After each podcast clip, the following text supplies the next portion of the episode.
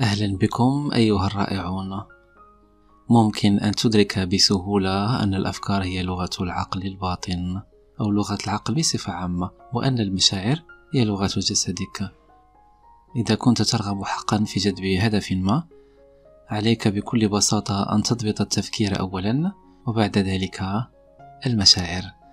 ممكن أن تكون في جلسة من الاسترخاء والهدوء والسكينة وأن تحث عقلك الباطن على جذب هدف ما طبعا من خلال أفكارك. بعد ذلك حاول أن تستشعر كل كلمة قلتها عن طريق مشاعرك وهذا هو الأساس. قلنا أكثر من مرة أن الأفكار والمشاعر هي الأساسية في الجذب. سوف تلاحظ أن المشاعر سوف تجذب لك الأحداث بكل بساطة.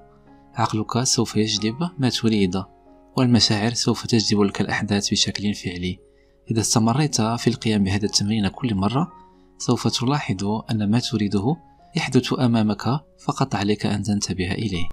طبعا قانون الجذب يتيح لك الفرص بشكل متكرر ما عليك فقط إلا أن تستغل واحدة من هذه الفرص التي تتاح أمامك. تذكر دائما أن الأفكار ينبغي أن تكون مقرونة بالمشاعر. سوف تذهل من كمية الأحداث التي تقربك نحو ما تريد. فقط عليك أن تؤمن إيمانا كبيرا أن ما تريده سوف يحصل لا محالة. يوسف حسن في أمان الله.